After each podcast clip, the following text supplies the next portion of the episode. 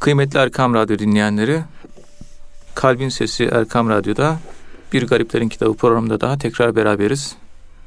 Malumunuz olduğu üzere Profesör Doktor Ethem Cebecioğlu hocamız Muhammed Esat Erbili Hazretlerinin hayatını, menakıbını anlatıyor bu programda bizlere.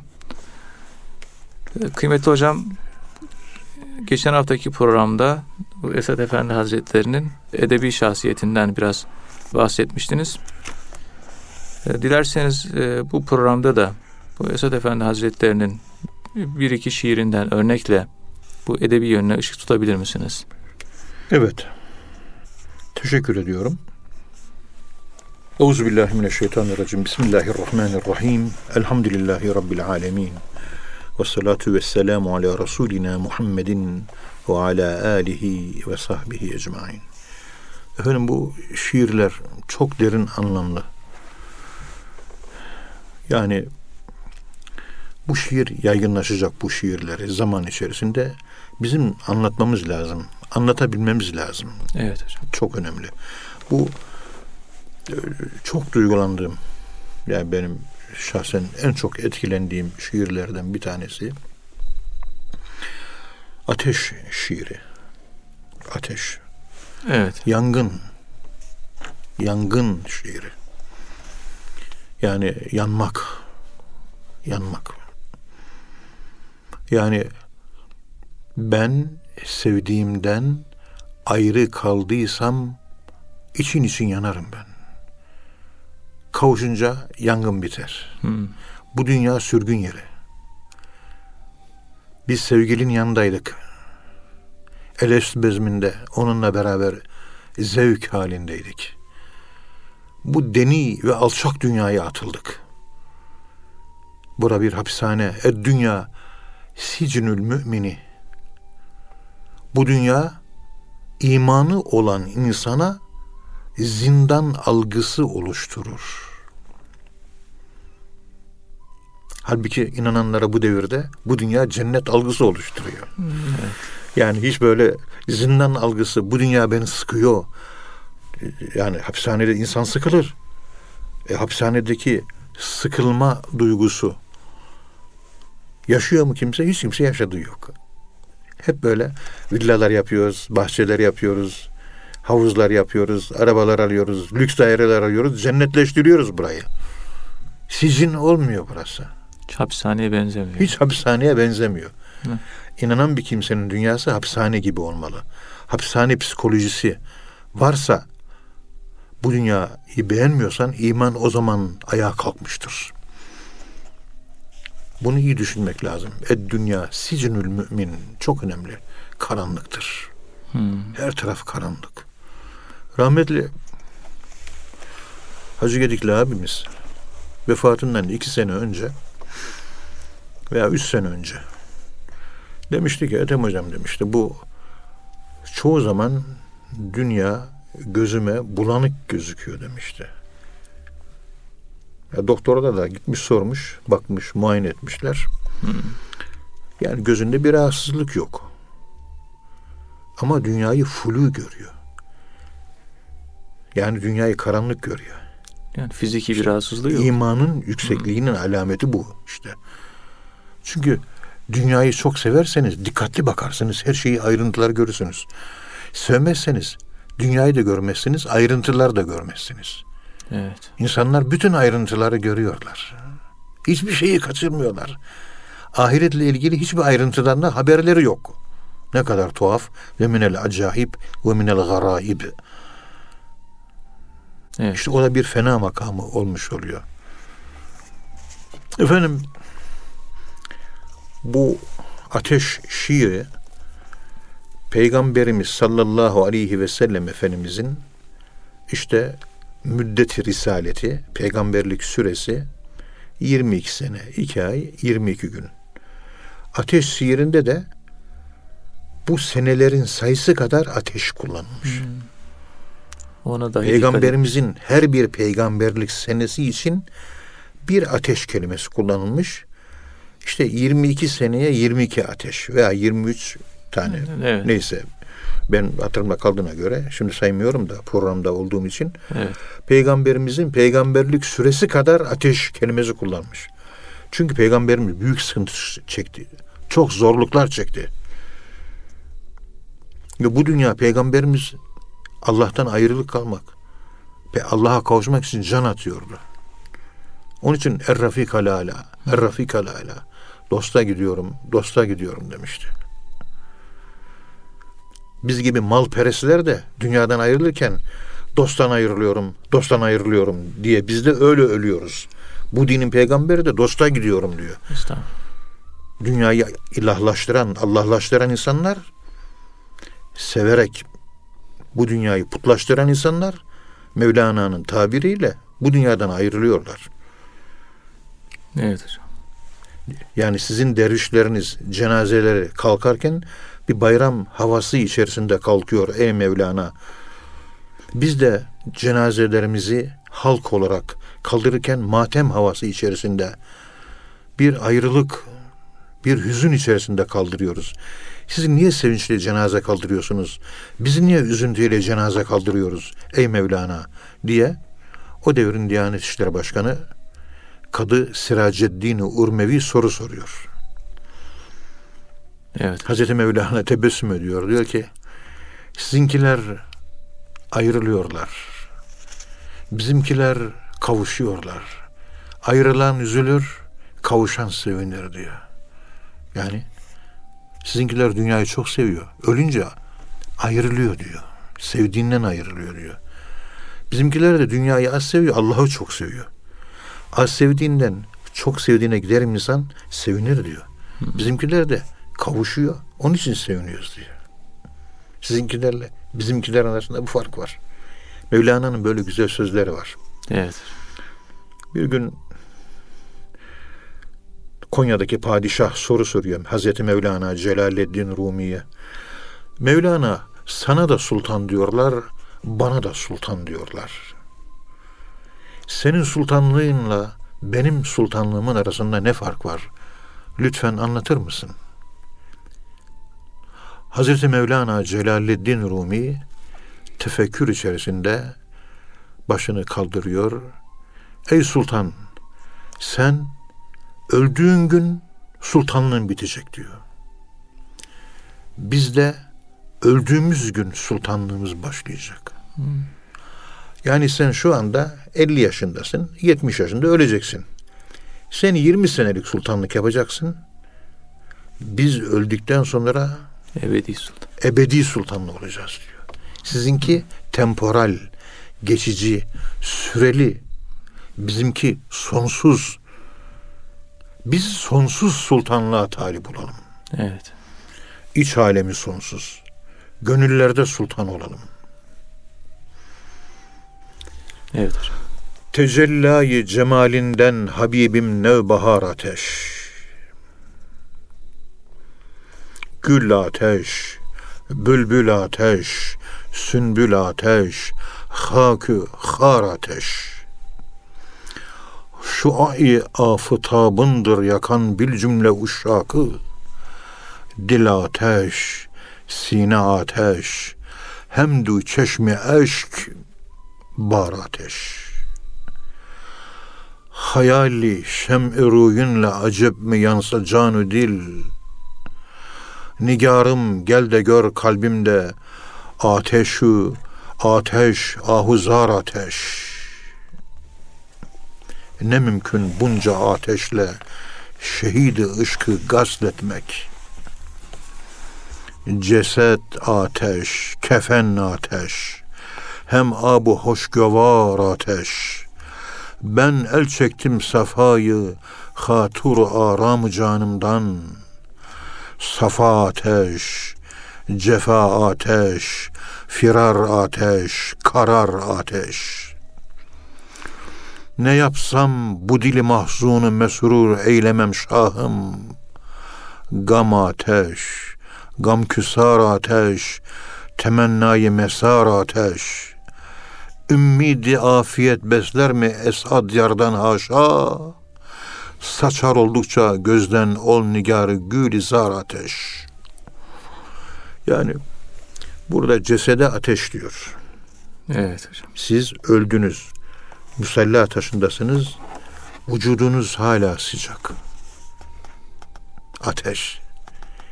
Akşemseddin Veli Hazretlerinin 1961 senesinde mezarı açıldı. Öleli 504 sene olmuştu. Ölüm tarihi 1457. Mezarının açılış tarihi 1961. Yani zamanımızdan 55 sene önce falan. Ali İhsan Yurt Hoca İslam Ansiklopedisi'nin ilk genel müdürü oydu. O anlattı. Ondan dinledim ben. Ondan naklen anlatıyorum. Göynük'e büyük bir sel geldi. Selle beraber her tarafı çamur kapladı. Akşemseddin Hazretlerinin camisi çamurla doldu. Bahçesi çamurla doldu. Her yer çamurla doldu. Her yer.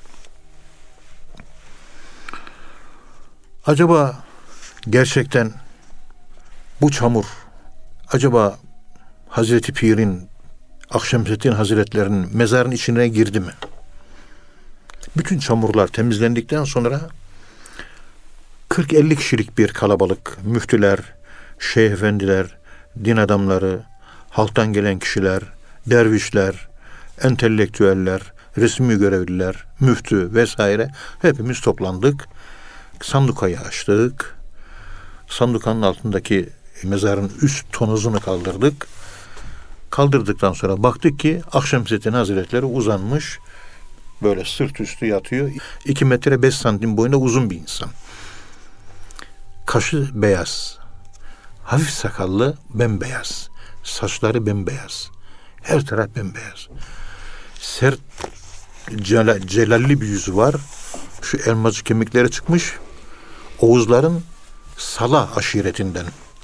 Tam bir Türk tipi alnı köşeben Evet hocam. ve celalli bir insan. Yani çürümemiş. Müftü efendi dedi ki askerden yeni gelmiş bir müezzin vardı. Müezzin efendi oğlum acaba şu anda biz hayal mi görüyoruz? Yani halüsinatif bir olayla karşı karşıya mıyız? Mezarın kenarından yavaşça in, elini şöyle altına koy ve kaldır. Ağırlığı var mı? Müezzin efendi askerden yeni gelmişti. Hemen mezarın kenarından mezara indi. Elini Akşemseddin Veli Hazretleri'nin sırtına koydu. Efendim vücudu sıcak dedi. Allah Allah. İşte ceset ateş. 504 sene geçmiş ceset ateş. Aynı durum Mevlana'da da var. Onu da bir başka programda anlatayım. İnşallah. Hala buhar çıkmaya devam edecek diyor Divan-ı Şems'te, dördüncü ciltte. Hala öyle. Efendim diyor, vücudu hala sıcak diyor. Müftü efendi tamam anlaşılmıştır diyor. Ve yavaşça elini çıkartıyor. Müezzin o gece ölüyor. Allah. Bir hafta sonra rüyada 3-5 kişiye gözüküyor. O aşk ateşi bana geçmiş. Kaldıramadım. O yüzden öldüm. Ben aşk şehidiyim diyor. Evet. İşte bu. Kefen ateş, ceset ateş. Onu anlatmaya çalışıyoruz. Sıcaklığı bile devam ediyor. Vücudu hiç bozulmamış. Kefeni hiç sararmamış. Sıddık siyaha batmış çıkmış. Ölümünü tabii geniş bir zamanda yine anlatırız. Nasıl vefat etmiş. Evet hocam. Kefen ateş. Kefen de çürümüyor. O ateş kefene de sirayet ediyor. Yani öyle bir ateş ki, öyle bir nur ki, öyle bir ışık ki hiçbir tabii olay kefeni çürütemiyor. Başka işte çekilen cefa bir ateş. Ama safa da bir ateş. Yani mutluluk duyuyorsun ama ciğerin yanıyor. Acı çekiyorsun ama yine ciğerin yanıyor. Gülzar ateş. Bu yeşillikler, gül bahçesi, her taraf kıpkırmızı yanıyor. Kıpkırmızı. Şehidi ışkı gasletmek. Yani ne mümkün bunca ateşle şehidi ışkı, ışkı gasletmek. Yani bir ateşi siz suyla böyle bir maneviyat ateşini suyla söndüremezsiniz. Manevi bir ateş bu. Onun için şehitler la yugassel ve la yükeffen. Şehitler guslet gusül yapıl, yap, yaptırılmaz. Yıkanmaz. Cenazesi yıkanmaz. Yani. Ve kefenlenmez. Elbisesiyle beraber olduğu gibi gömülür. Ve o kanlı elbisesiyle Allah'ın huzuruna varır. Kanı kan rengindedir ama kokusu misk kokusudur diyor Peygamberimiz sallallahu aleyhi ve sellem. Allah'ım. İşte aşk şehidi olmak. Dikkat edin. Şehit çeşitleri anlatılırken kara sevdaya tutulanlar da iffetli olurlarsa ölünce bir tür şehit sayılırlar diye kitaplarımızda yazıyor. Sahih Buhari'nin Diyanet İşleri Başkanlığı'nda yayınlanan şerhinde Baban Zade Ahmet Naim Efendi ve Kamil Miras Tecrid yapmıştır. He. Bu ifade orada okudum ben ilk defa. Hmm. Kara sevdadan ölenler de şehittir. Aşıklar da ölürse aşkla, aşktan dolayı ölürse onlar da şehittir. El muhibbune la yemutun yani. Vel muhibbune la yemutun. Allah'a gerçek sevenler ölmezler. Vel muhibbune la yemutun. Kalpte bir ateş var. Ahuzar ediyorum. Ahuzar ettikçe Allah'ım ayrılığın beni helak etti. Ayrılığından yüreğim şerha şerha oldu. Böyle ah ediyorum, inliyorum. Bu iniltiler de ateş. Ağızdan çıkan sözler de nasıl ateş? Konuştuğu zaman bende, içimde ateş uyandırıyor. Acı acı böyle. Dilencini hiç unutmam camiden çıktım. Dilencilere tabii az para veririz de dilencinin biri öyle bir dileniyor ki sesi o kadar yanık ki isteme tarzına baktım. Baktım ona. Bu dilencinin benden para istemek için kullandığı ses tonu yüreğimi parça parça etti. Ben de Allah'ın dilencisiyim. Ben de Allah'tan bu dilenci gibi isteye, isteyebilmeliyim dedim. Ben kendi kendime böyle söyledim. Bu dilencinin acaba bana alabileceğim ve bana verebileceği bir ders var mı? Dilencinin benden para isteyişi sırasındaki sesinin böyle yanıklı, acılı, böyle öyle bir ifade var ki. Evet hocam. Yani bir lira verecektim, on lira verdim. Dedim, böyle bir dilencinin suzınak, kalpleri yakan isteyişi, benim vereceğim bir lirayı on liraya yükseltebiliyorsa, ben de Allah'ın dilencisiyim. Allah'ın kapısına varıp da bunun gibi tatlı, böyle suzinak ifadelerle, gönül yakıcı ifadelerle, ateşin, ateş dolu dualarla Allah'tan istesem, Allah benim birimi on etmez mi? diye böyle kendi içimde bir mana güzelliği yaşamıştım. Evet. Ya bülbül ateş, gül ateş. İşte Allah, gül, bülbül, gönül, sümbül ateş, güzellikler. Hepsi, bütün güzelliklerin hepsi ateş. Toprak ateş, diken ateş. Taze bahar, böyle serin serin rüzgarlar esiyor. Ateş, hepsi ateş. Halbuki o yeni bahar estiği zaman yeni baharın rüzgarına göğsünüzü açın diyor Mevlana. Şems, Divanı Şems'te yazıyor. Evet. Çünkü böyle yok Mesnevi'de okudum özür dilerim. Orada böyle rüzgar eser diyor. Aç göğsünü diyor. Çünkü tabiat, yeşillikler o rüzgarla tomurcuklar meydana geliyor, diriliyor. Tabiat diriliyor diyor. Sen de içindeki gizli manevi güzellikler var. Şu göğsünü, bağrını şöyle bir aç. Böyle o bahar mevsimin esen o rüzgarlarına karşı çık. İçinde güzellikler açsın şöyle bir diyor. Şifa verir o diyor. Ama sonbahar rüzgar esiyor. O da öldürür. Aman her tarafını kapat diyor. Evet. Aman kapat diyor. Seni kabza sokar diyor. Sonbahar rüzgarıyla karşılaştığın zaman aman üstünü iyi giyin diyor. Bahar mevsimi serbest diyor. O diriltir, öbürü öldürür, saratır. Yapraklar düşer aşağı, sonbaharı getirir diyor. İlkbahar rüzgarı.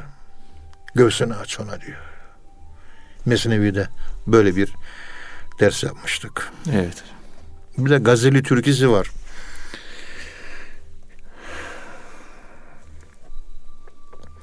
Gönül nuri cemalinden Habibim bir ziya ister.'' Gözüm haki rehinden ey tabibim tutiya ister. Safayı sineme zulmet veren jengü günahımdır. Aman ey kani ihsan, zulmeti kalbim cila ister. Yetiş imdada ey şah risalet, ruz mahşerde. Ki derdi bir devayı masiyet senden şifa ister. Ne abudideden rahat, ne ahı sineden imdat. Benim barı günahım, lütfü şahı enbiya ister. Sarıldım dameni ihsanına ey şafii ümmet. Dahilek ya Muhammed, hasta canım bir deva ister.'' Gülü ruhsarına meftun olanlar şüphesiz sensiz. Ne mülkü malu cah ister, ne de zevk sefa ister. Nola bir kere şad olsun cemali ba kemalinle. Ki kemter bendeniz, esat sana olmak feda ister. İşte evet, en sonunda feda olmuştur.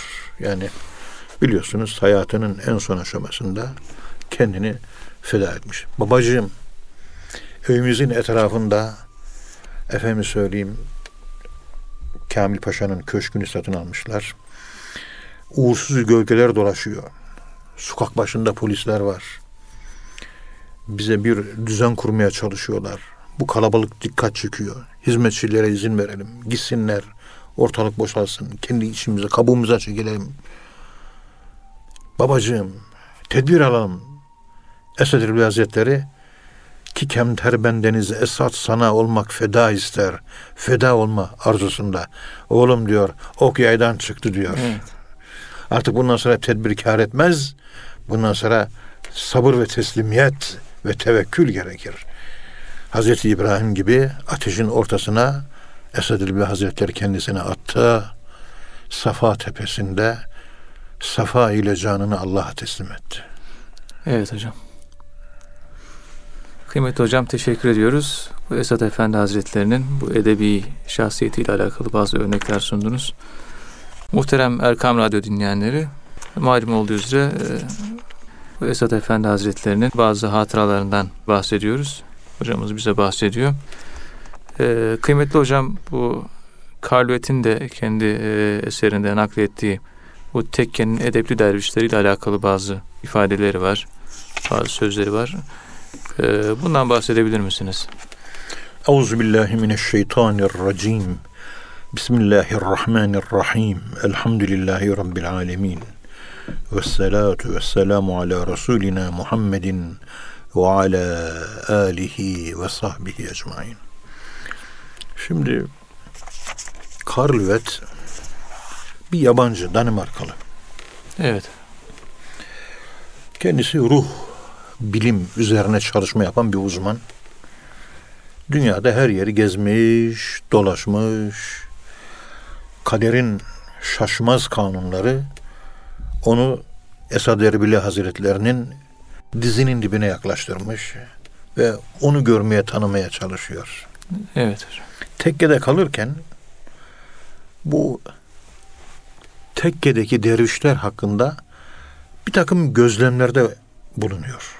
Yani böyle prototip bir insan yani e, mükemmel insan tipleri, psikotipoloji, efendime söyleyeyim ilmi kıyafet, yani şahsiyet, karakteroloji, bunların ışığı altında Karl Wett böyle bir takım insan tanımlamalar yapıyor. Yani evet. insan figürlerini şematize ediyor.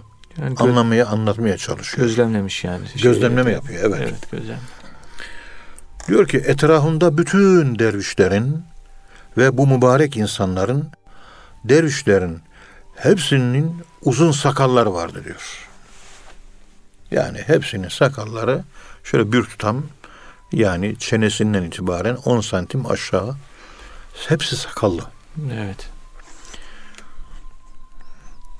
Konuştuğum sık sık konuştuğum dervişin gözleri mavi ama davranışları çok nazik.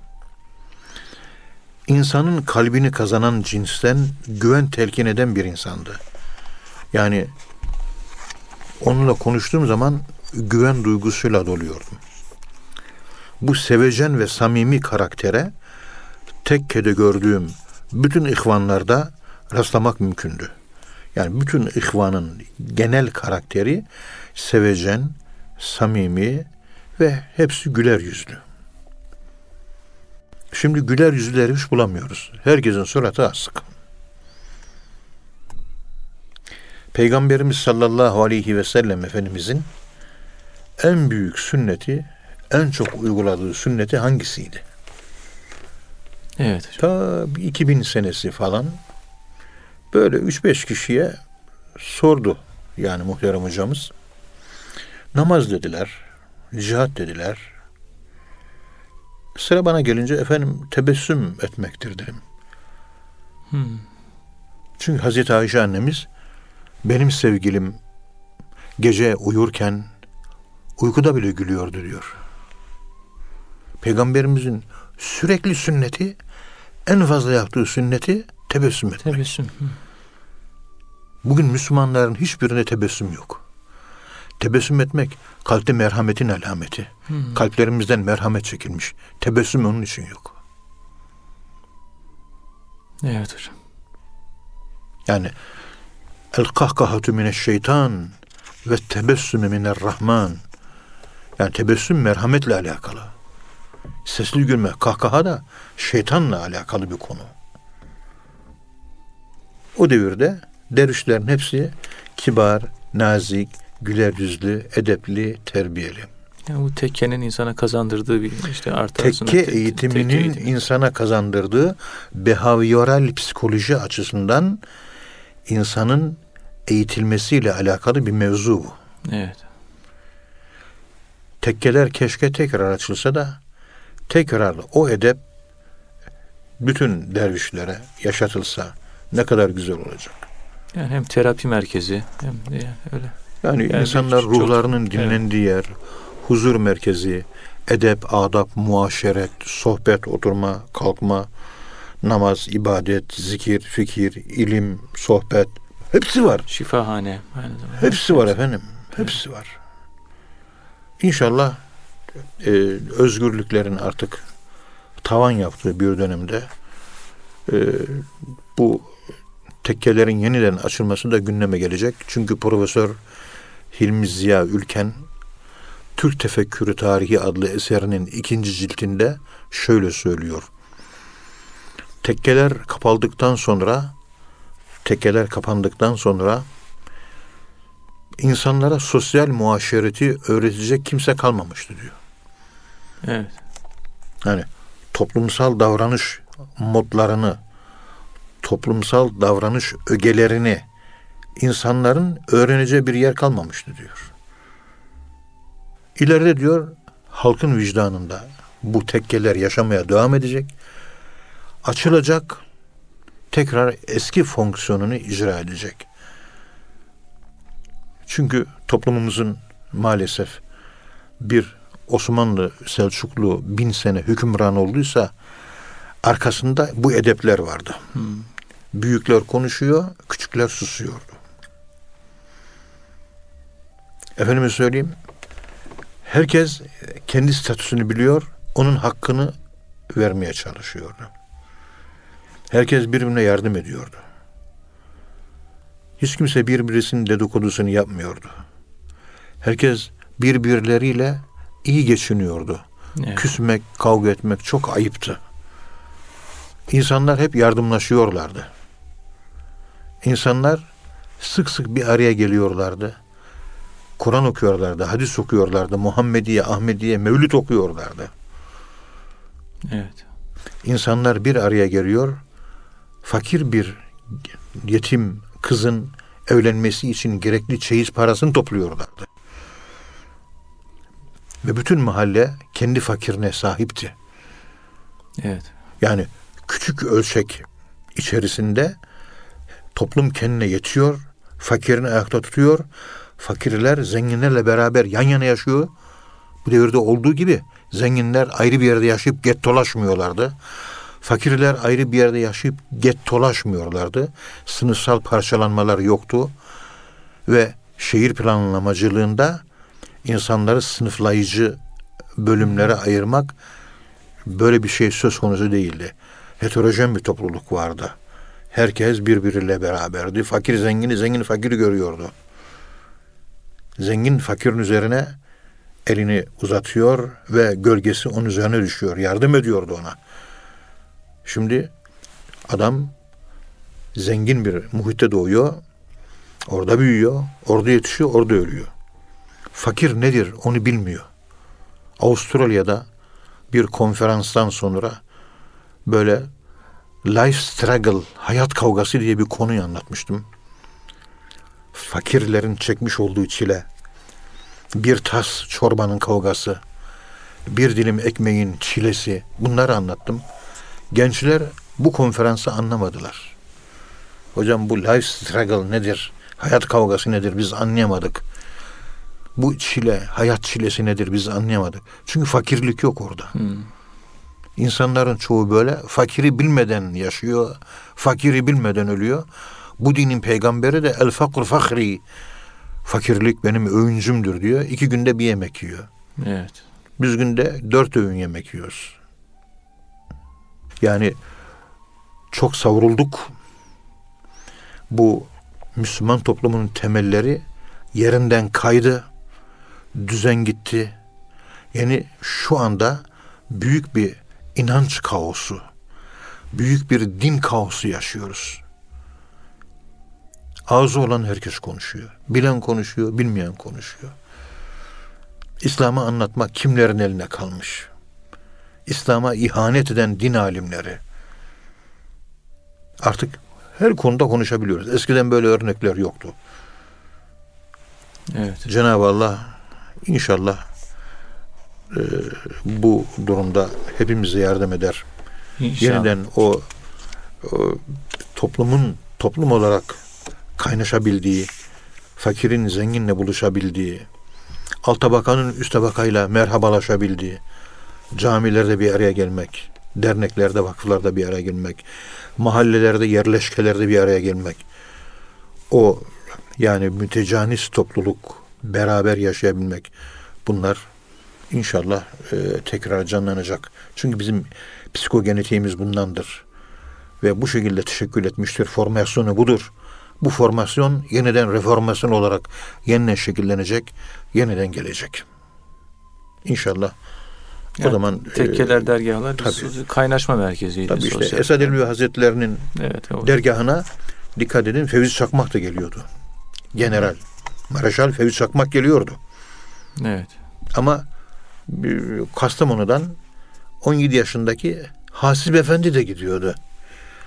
Caminin müezzin de geliyordu. İşte kayıkçı Ali Dayı da geliyordu. Ulemadan bilmem kim de geliyordu. Hepsi bir arada oturmuş zikir çekiyor omuz omuzda.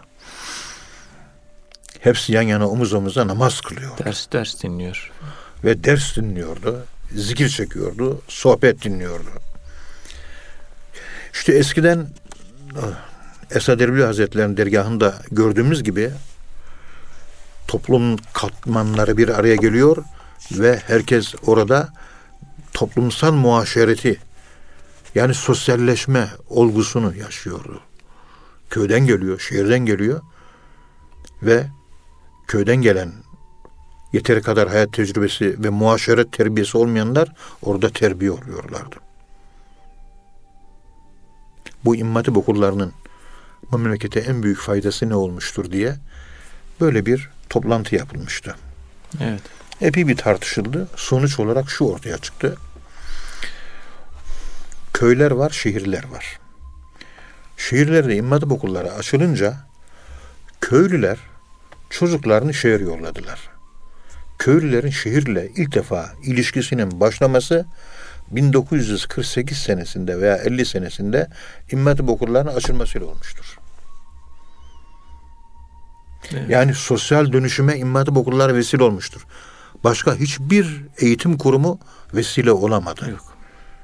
Dolayısıyla köylüler şehirleşmeye başladıktan sonra sanayi toplumu ortaya çıktı. Ve şehirler eski geleneksel hantallığından kurtuldu. Yeni bir dinamizmle yeni bir güç kazandı. Ama bunu İmam Hatip okulları sağladı.